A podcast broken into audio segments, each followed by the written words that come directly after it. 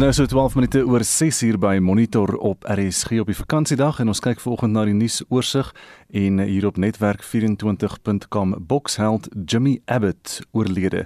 Die boksheld Jimmy Abbott was 61 jaar oud en hy is gisterand in Heidelberg in Gauteng oorlede nadat hy probleme met sy asemhaling ondervind het. Nog berigte op netwerk 24 sê ja, die um, proses om die ekonomie te herbou het begin sê Cyril Ramaphosa, maar dan ook eindstryd sla doof nie Lloyd se vreugde en dit gaan dan oor die Suid-Afrikaner Lloyd Harris um, en sy stryd daar in Dubai. Hy het nie die laaste hekkie uit in die la, oor die laaste hekkie daar gestruikel maar moenie dink sy nederlaag in die eindstryd van die Dubai Kampioenskap het die lied in sy hart stil gemaak en daar word gepraat met Lloyd Harris. Dan ook die uh, Marula Media.co.za regering verkoop eintlik AstraZeneca entstof en verdagte vas oor 'n groot trop gesteelde kalvers. Internasionaal bbc.com daar word 18000 mense ontruim uit New South Wales in Australië want daar is 'n klomp oorstromings of, of groot uh, skaalse oorstromings in uh, Sydney sê hulle maak ook nou reg vir meer neerslae en reën te midde van die ergste oorstromings in dekades in hierdie streek uh, New South Wales streek dan daar in Australië. Nog internasionale nuus hier op die Financial Times. Turkye se lira, die geldeenheid daar, tuimel met tot sover as 14% nadat die president Tayyip Erdogan die eh, die bank, die sentrale bank, die uh, in daardie land se hoof in die pad steek en die geldeenheid tuimel dan met tot soveel as 14%. En dis net so vinnige oorsig oor vanoggend se nuus. En terug in ons land Statistiek Suid-Afrika het onlangs die jongste syfers oor troues en egskeidings bekend gemaak. Nou dit toon dat die gemiddelde Suid-Afrikaner 'n paar jaar langer wag om te trou. Die gemiddelde ouderdom vir mans wat trou is 37 en vir vroue is dit 33. Gustaf, ek moet sê dit klink baie ouer as wat ek verwag het. 37 vir mans. Nou vir diegene wat besluit het om te trou, ons wil vanoggend weet Hoe oud was jy toe jy getrou het? En as jy nou terugkyk na daai besluit en wat daartoe gelei het, wat sou jy anders gedoen het? Stuur vir ons 'n SMS na 45889, dit kos R1.50 of gaan na facebook.com vorentoe skynstreep ZRC of WhatsApp vir ons stemnota na 076 536 6961 076 536 6961 Dis daar net gemiddeld, maar hoe ouer beter, né? 14 minute oor 6 en die ANC se hoofsweep in die parlement, Pemmi Majodina, sê sy is tevrede met die redes wat ANC parlementslede verskaf het hoekom hulle nie op die afgelope week uh, deelgeneem het aan 'n stemming oor die moontlike verwydering van die openbare beskermer nie. Die ANC het 230 parlementslede, maar net 168 van hulle het toe nou gestem. Nou in die aanloop tot die stemming het verskeie ANC-lede in die openbaar verklaar dat hulle nie ten gunste van die DA geleide mosie sal stem nie. Zelin Merrington berig. Meer as 60 ANC LPs het nie hul stemme uitgebring ten gunste van die mosie dat 'n ondersoek ingestel moet word nie. Dit meen politieke ontleder Ralph Matega wys die diep verdelings in die party caucus. The public divisions regarding this within the ANC, it has actually brought the party under the spotlight where people maybe will begin to ask the question as to whether is this party well aligned? Is the ANC well positioned to heed the public mood, to listen to the public mood and prioritize those issues such as fighting against corruption that South Africans are mostly concerned about? This could certainly have uh, impact on the general confidence in the ANC. I mean, if the party comes out of this thing with these sharp divisions at the end, it will be clear that the factional divisions within the party are now beginning to impact the functions of the state institutions. I think we've seen that in the past. It's just that this is another escalation of that. Maar die waarnemende woordvoerder van die Caucus, Nomfanelo Kota, sê die redes van swak internetkoneksies tot dood in die familie is aanvaar. MPs who were absent from the house on the day of the vote had valid apologies. There was poor connectivity on the day as well, which played a major role because some of the MPs kept on being kicked out We don't envisage any disciplinary proceedings that will be forwarded against those. They explained why they could not log in, and the Office of the Chief Whip accepted their reasons. And that's where the story ends for us. LPS soos Mervin Dirks, Bongani Bongo en Supremo Mapelo het in die aanloop van die stemmery gesê hulle sal nie saam met oppositie stem nie. In 'n vergadering met die ANC se topstruktuur net voor die stemmery is ANC LPS aangesê om volgens die party se mandaat te stem ten gunste van 'n ondersoek. In vorige jare was die kwessie van LPS wat of volgens hul partymandaat of eie gewete stem geopper. Lawson Naidu van die Raad vir die Bevordering van die Suid-Afrikaanse Grondwet sê dis nie juis onvanpas nie. So long as it is consistent with the manifestos. However, where parties take a stance that is contrary to the constitution or the law, then MPs should not be obliged to follow a party instruction. Their oath of office, which commands allegiance to the constitution and to act in the best interests of the republic, overrides this.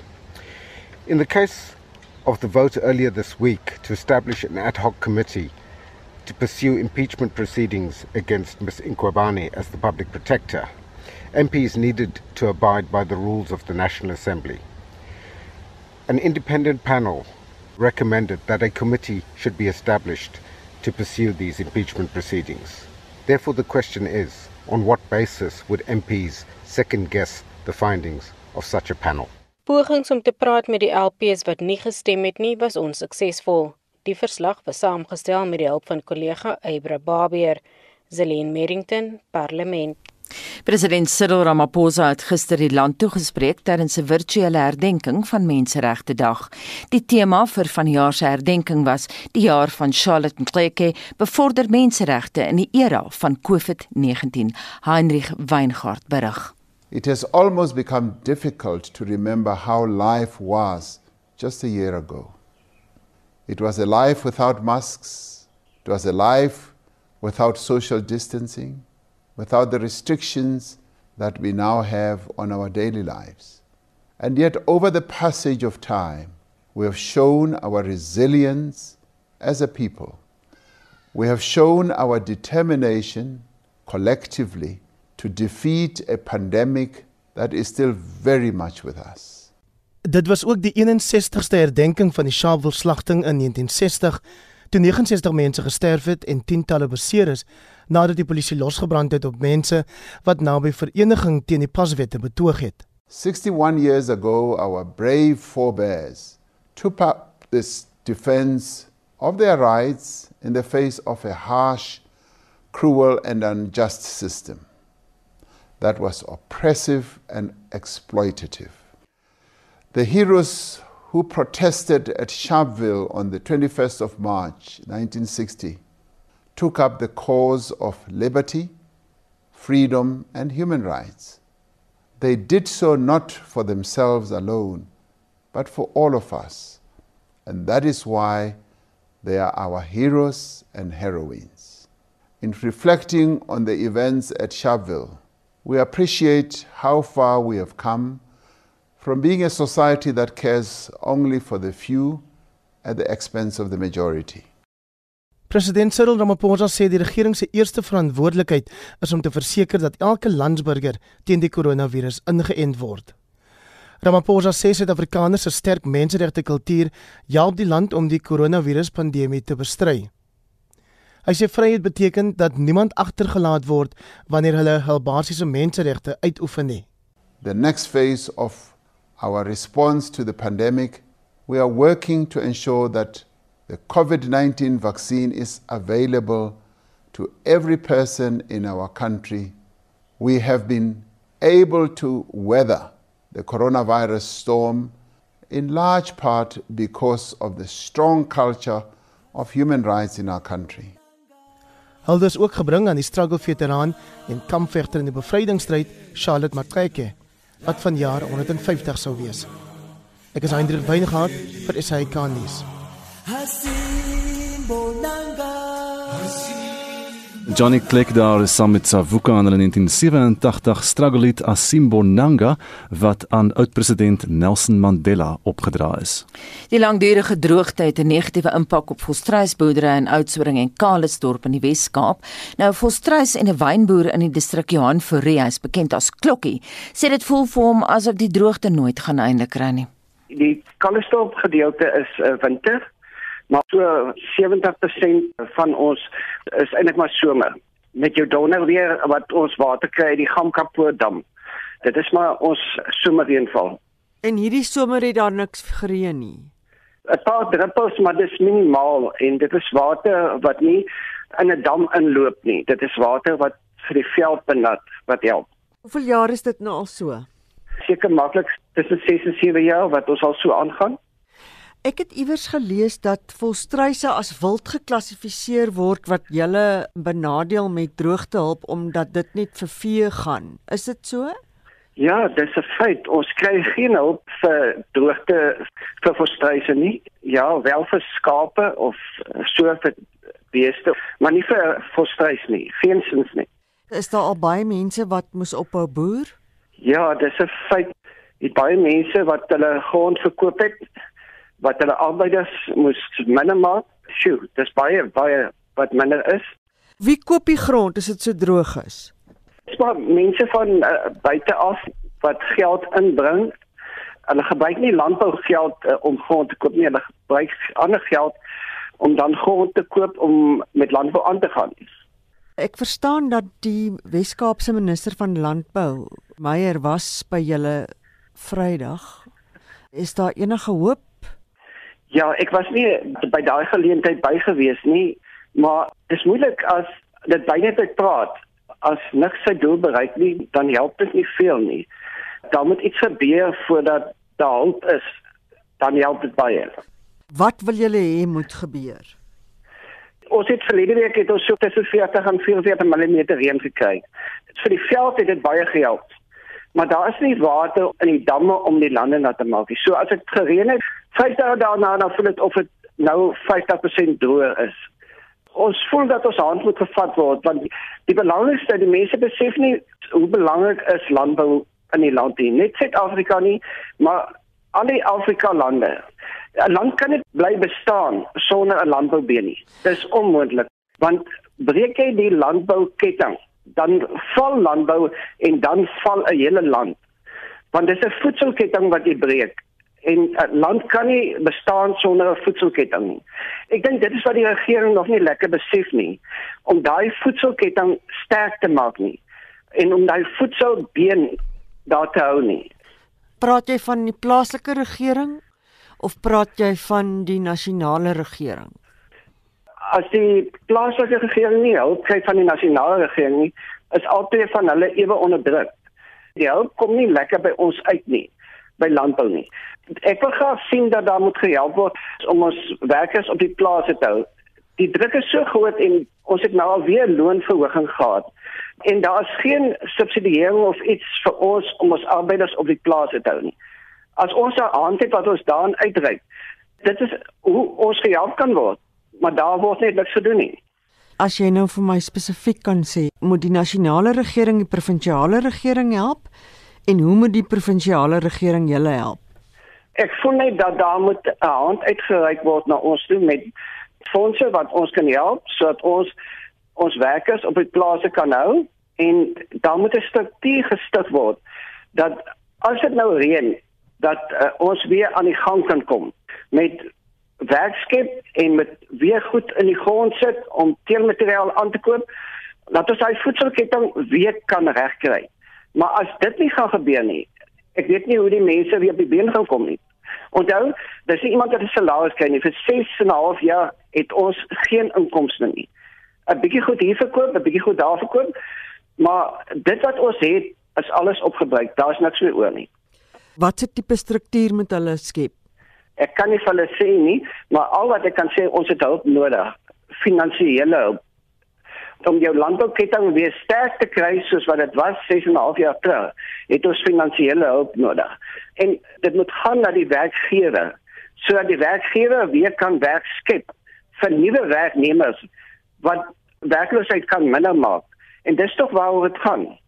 Landbou is 'n groot werkskepingspersoon. So ons wil weer werk skep om nuwe werkgeleenthede daar te sig. Ons in die streek is maar wynprodusente wat op hierdie stadium bitter bitter swaar kry hmm. met wyn wat ons nie verkoop kan kry nie van die uh, COVID wat ons gevang het op hierdie stadium druk dit van albei kante af. Dit druk van die droogte af. Die COVID is amper soos 'n boetie vir die droogte. Droogte was daar en toe die COVID ook nou nog kom kuier vir ons in 1 jaar. En vir landbou is dit baie moeilik. Die droogte is net vir ons verskriklik hard hier so in ons area. Die Kalestop, Olifantrivier en Oudtshoorn toe. Dit gaan nou bitter lank so aan en ons staan alleen. Ons al wat ons nou nog het is maar soos 'n boer sê altyd geloof, hoop en liefde. Dit is al wat 'n boer het wat sterk in hom is. En so sê die boer Johan Forrie en hy het met Mitsi van der Merwe gepraat. Dit bring ons by 6:31.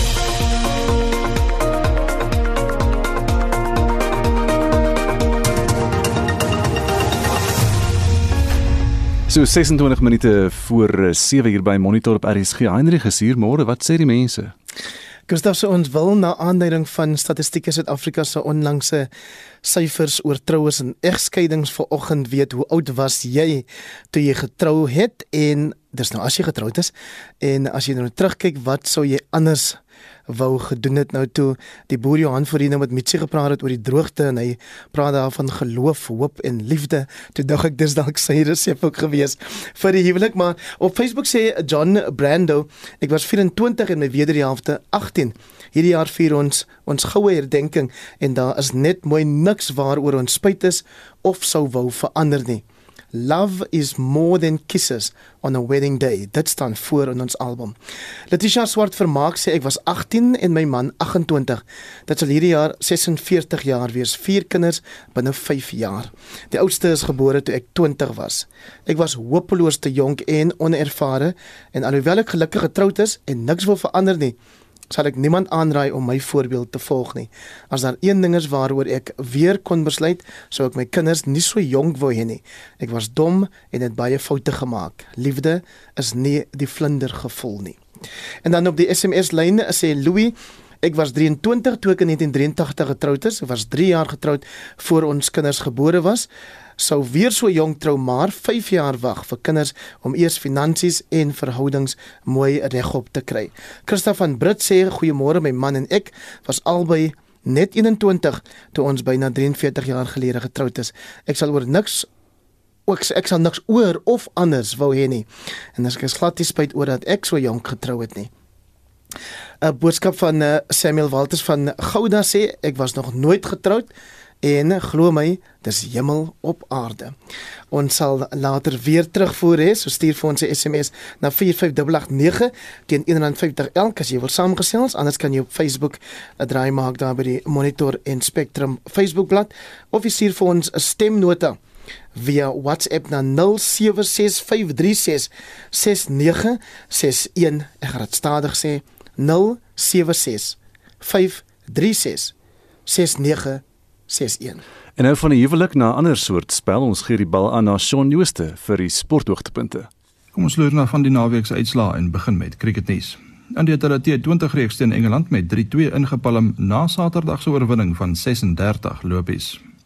India het hulle hoogste telling teen Engeland 224 aangeteken en die besoekers daarna tot 188 vir 8 beperk. Die Indiese kaptein Virat Kohli was die speler van die reeks net 231 lopies aangeteken. Die reeks van 3 eendagwedstryde begin môre. Na dag 1 van die eerste toets tussen die Windies en Sri Lanka staan die tuisspan op 13 sonder verlies in hulle eerste beurt nadat hulle Sri Lanka vir 169 uitgeboonder het. Ons vroue Protea span het geskiedenis gemaak in hulle eerste T20 reeks in Indië met 2-0 beklink toe hulle Saterdag se tweede wedstryd met 6 paltjies van die laaste bal af gewen het. India het 158 vir 6 in hulle 20 balbeurte aangeteken En danksy Lazelle se 70 en Laura Wolfhard se 53 nie uit nie, palm die Proteas die reeks in met nog een wedstryd wat oorbly. Rugby. In die Ses Nasies reeks het Frankryk nalskrap 32-30 teen Wales geseëvier en staan nog 'n kans om die Ses Nasies trofee te lig. Ierland het Engeland met 32-18 verslaan en Skotland het Italië met 52-10 afgeronsel. In die plaaslike voorbereidingsreeks het die Lions die Sharks Saterdag met 43-40 geklop. Die tellings in Australië se eie Super Rugby reeks was Red 26 Force 19 en dan in die Nieu-Seelandse Aotearoa reeks Blue 27 Crusaders 43 en Hurricanes 29 Chiefs 35. Op die tennisbaan het Suid-Afrika se Lloyd Harris se droomloopie by die manstoernooi in Dubai in die eindstryd tot 'n einde gekom toe hy 6-3 en 6-2 teen die Rus Aslan Karatsev verloor het.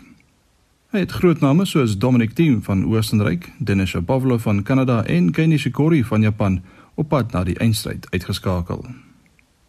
Die Duitser Alexander Zverev het met die laure in Mexico weggestap en die Griek Stefanos Tsitsipas in die eindstryd met 6-4 en 7-6 getroof.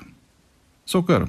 Gister in die DStv Premierliga het Kaizer Chiefs die 100ste Soweto Derby teen Orlando Pirates met 1-0 gewen.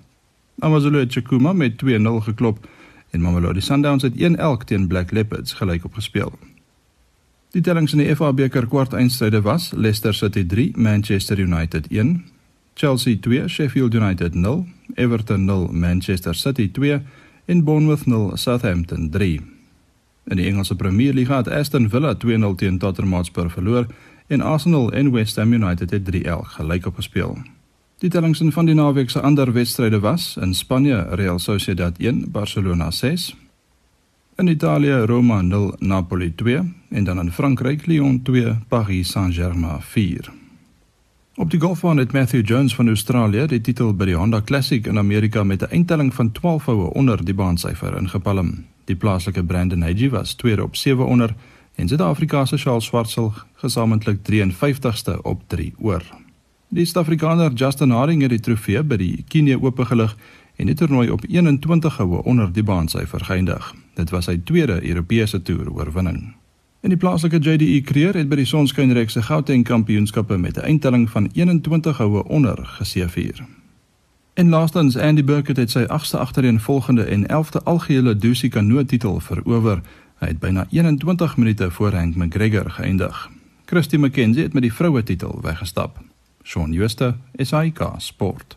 Suid-Afrikaners vat langer om te trou en daar's egter ook 'n 6% eh, minder egskeidings as in 2017 aangeteken. En uh, ons vergelyk al hierdie data vanoggend en kyk nou hoekom dit so is. Ons praat nou met 'n bedryfssosioloog Marion Meyer. Goeiemôre. Hallo, hallo Anita. Hallo Gustav. Jou indrukke Marion in breë trekke. Uh hoekom trou mense later dink jy? Weet jy, ek dink regtig daar is baie redes en uh, daarom sal ek na die vernaamste kyk is dat um, ek dink dit het begin met dinge wat sosiaal meer aanvaarbaar is. Dit lyk ook asof jong mense 'n ander ritme het die um, generasie millennials en die uh, generasie Z wat inkom. Alles gebeur 'n bietjie stadiger. Die hele wêreldekonomie het 'n bietjie geskuif en in dit dat ouers is uh, kyk langer na hulle kinders, kinders bly langer tuis ehm um, ook vroue het uh, finansiële vryheid, hulle loopbane.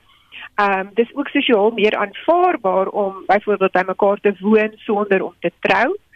En dan die hele ding weer eens terug na generasies is dat jonger mense voel nie altyd hulle het hulle ouers se toestemming in druk nodig om te trou soos wat miskien tradisioneel die geval is nie soos ons gehoor het van die luisteraars is getrou op 18 mm. sommige gelukkig getroud en die ander dame het gesê o jene tog net nie weer so vinnig nie. So dit gaan oor die algemeen oor 'n volwassenheid wat miskien aangeskuif het en ehm um, ook dat ehm um, werklik vrouens trou vir ander redes deesdae miskien as wat hulle 50 jaar gelede getrou het en ehm um, ook dat hulle ook eerstens 'n loopbaan wil bou manne het ook gevind in 'n tyd van geriefsetes en dinge wat so maklik is, is dat 'n mens eintlik goed kan regkom op jou eie bietjie. En dit mag dit moontlik laat klink dat ek dink ehm, 'n um, troue is bloot vir logistiese redes, jy weet die man bring die geld en die vrou maak die kosies reg en en dis hoegenaamd nie die geval nie.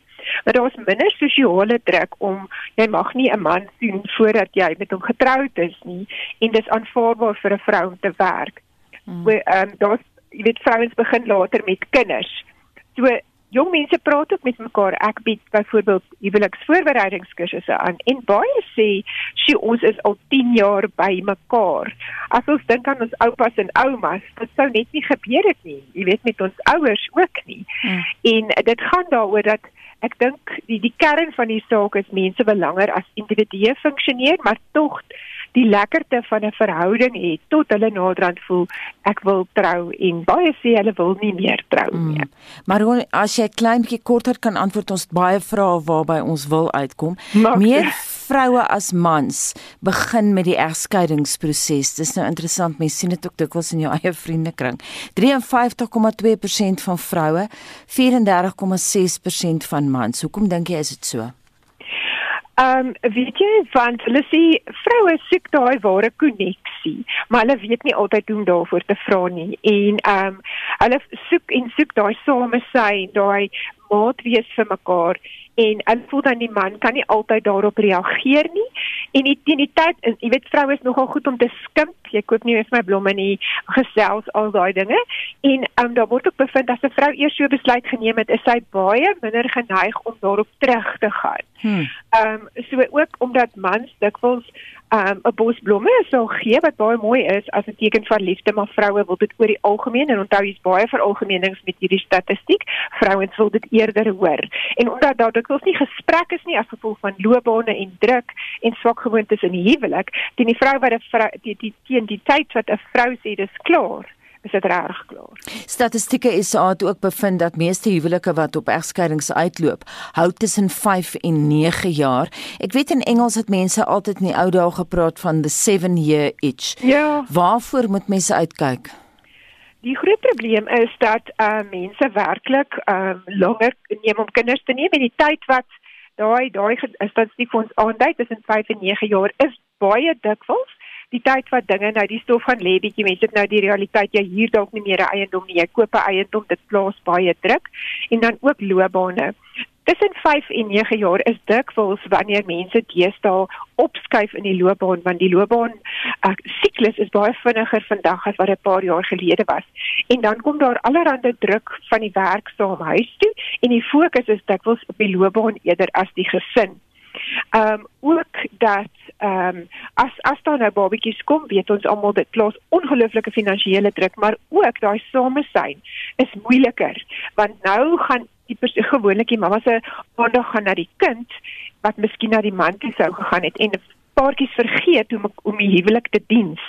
En almal dink ag, weet jy wat, oor 10 jaar kan ons dit weer doen en onthou jy hoe dit was en dan is vandag nie 'n goeie tyd -hmm. en gaan ook weer eens oor finansies dat ehm um, vroue baie dikwels teenoor dit lekker ehm um, onafhanklik is en en miskien kom mense regtig net bloot agter hulle deel nie genoeg nie en wil eerder skei.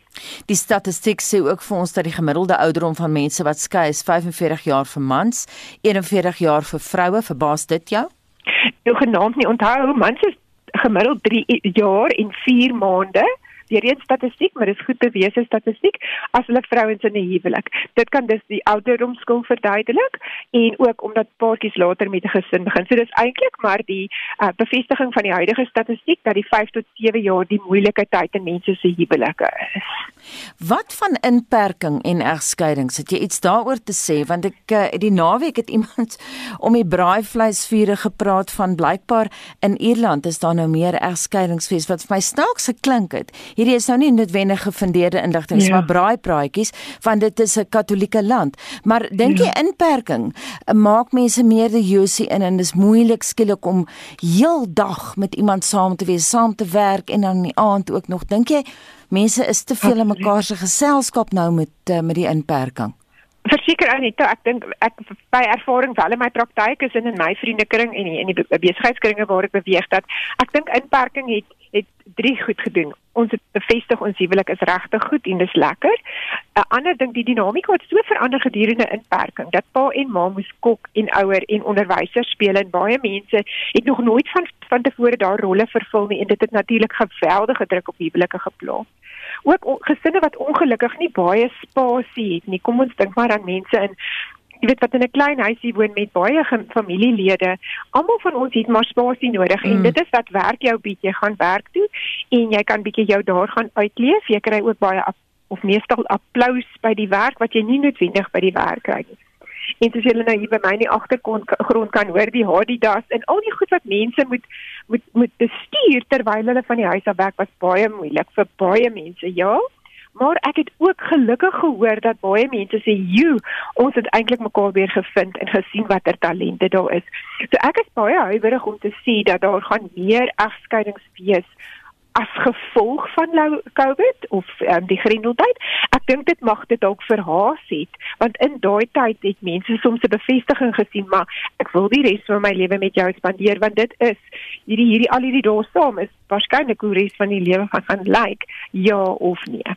Baie dankie en so sê die bedryfssosioloog, sy spesialiseer in korporatiewe en persoonlike verhoudings, Marion Meyer. 'n Nat Namibië het gister sy 31ste onafhanklikheidsjaar gevier met president Hage Geingob wat Namibiërs op 'n virtuele platform toegespreek het. Ons medewerker Frikkie Wallis berig.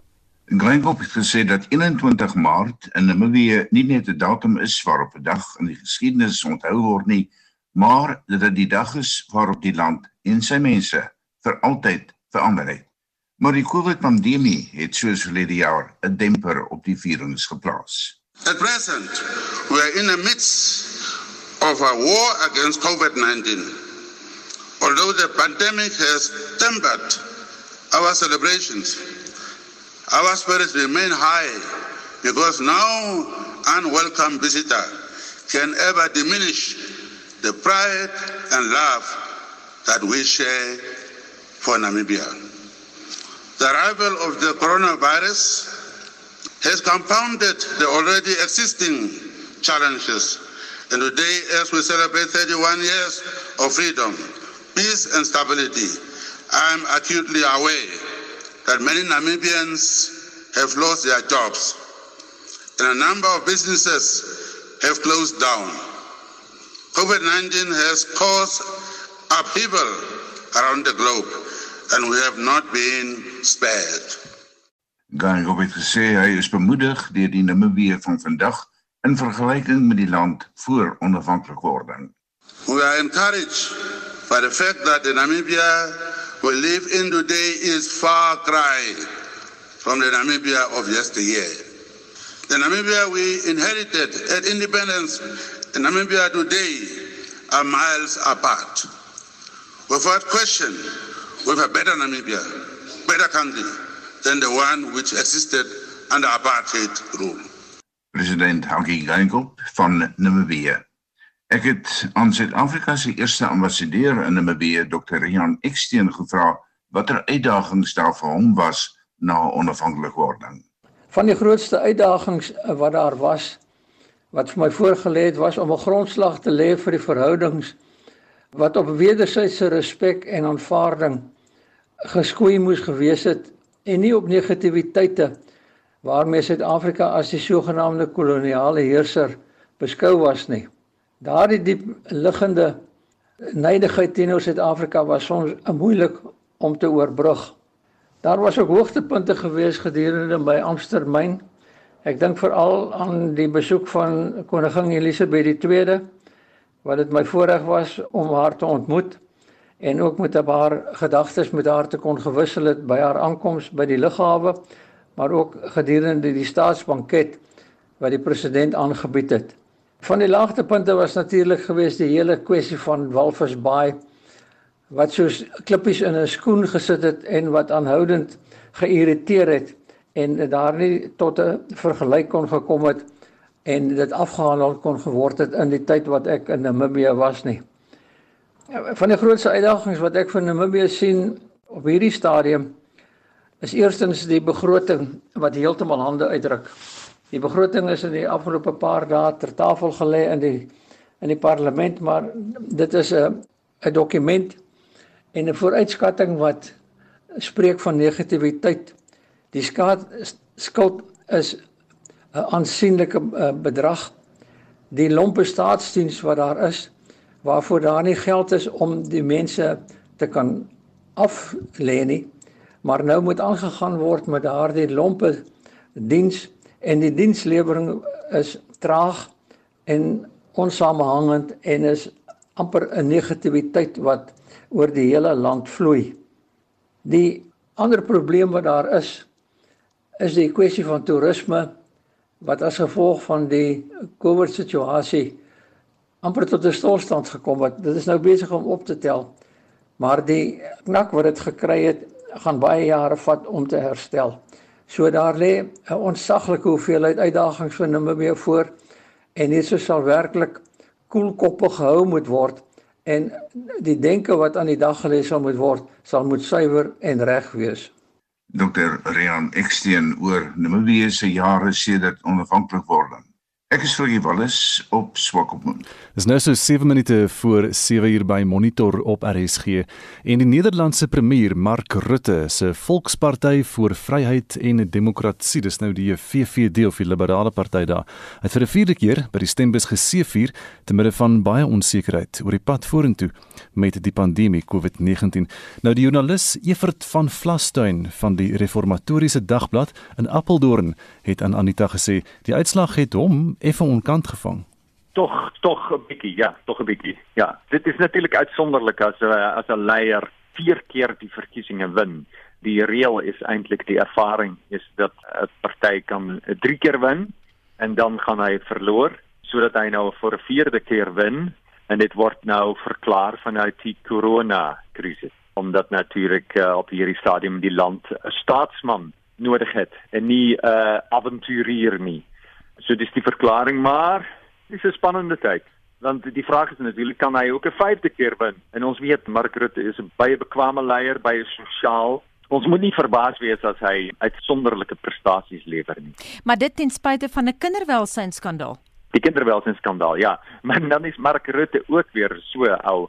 Sien, ons het dit verkeerd gedoen en ons het ons het alle foute gemaak wat 'n mens kan maak en ons gaan probeer om dit te repareer. Jy weet, so dit is baie moeilik om dit hom te verwyd want hy sê nee, wat uh, ons het dit verkeerd gedoen, ons weet dit. Hy is baie uh, hulle praat van 'n Teflon Mark Rutte. Dit is baie moeilik om 'n skandaal werklik aan hom te laat kleef. Hy gee toe, uh, hy het nou die fout gemaak. Jy weet, so die kinderwelsynskandaal is nou nie van groot invloed op die verkiesings nie.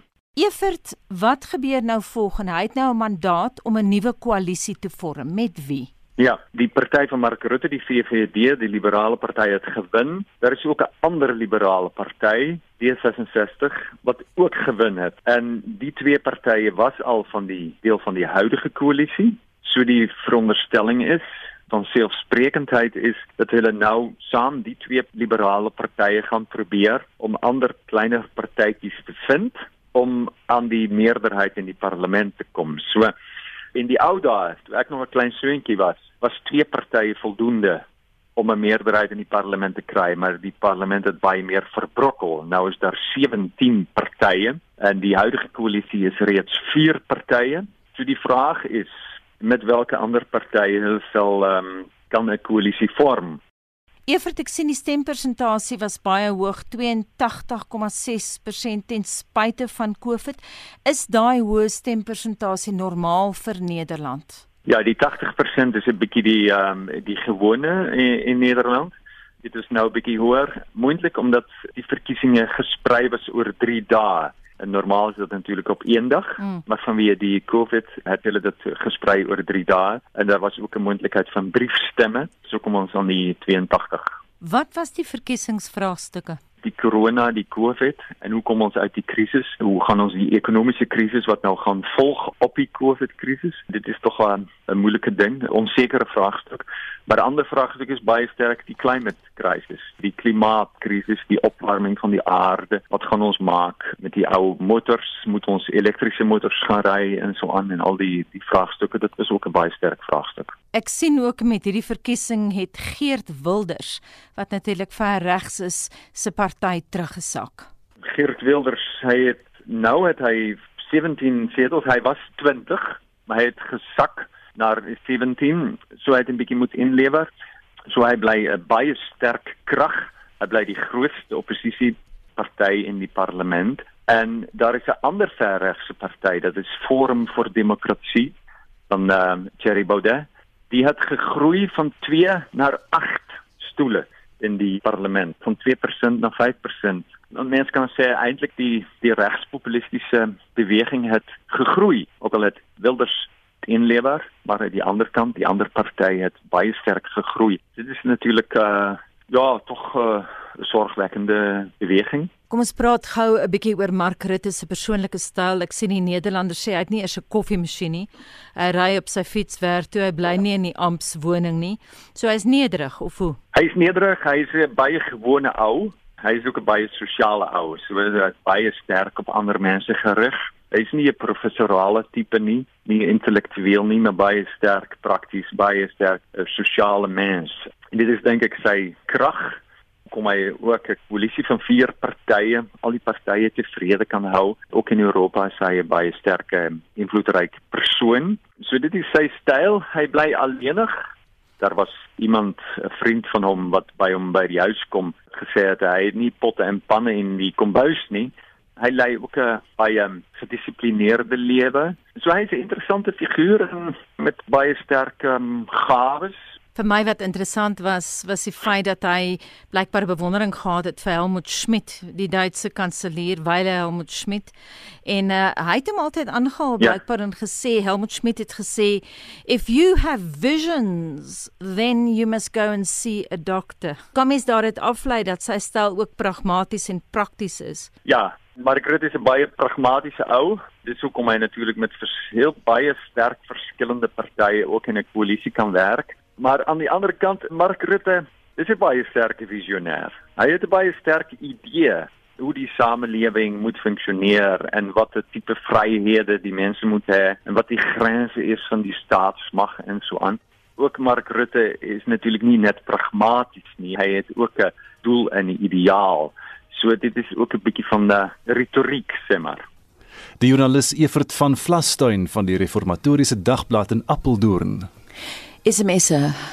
Ek was 16 en my vrou 15 jaar oud toe ons 65 jaar gelede getroud is. Ons het 16 kinders en is nog steeds getroud en hoop om nog vir baie jare te wees. Dit is Johan van Postmasburg en dan sê iemand anders ek was 19 jaar gelukkig 34 jaar getroud. My man o oh, 19 19 toe ek getroud is. En uh, my man is nou oorlede maar ek sou niks wou anders doen nie.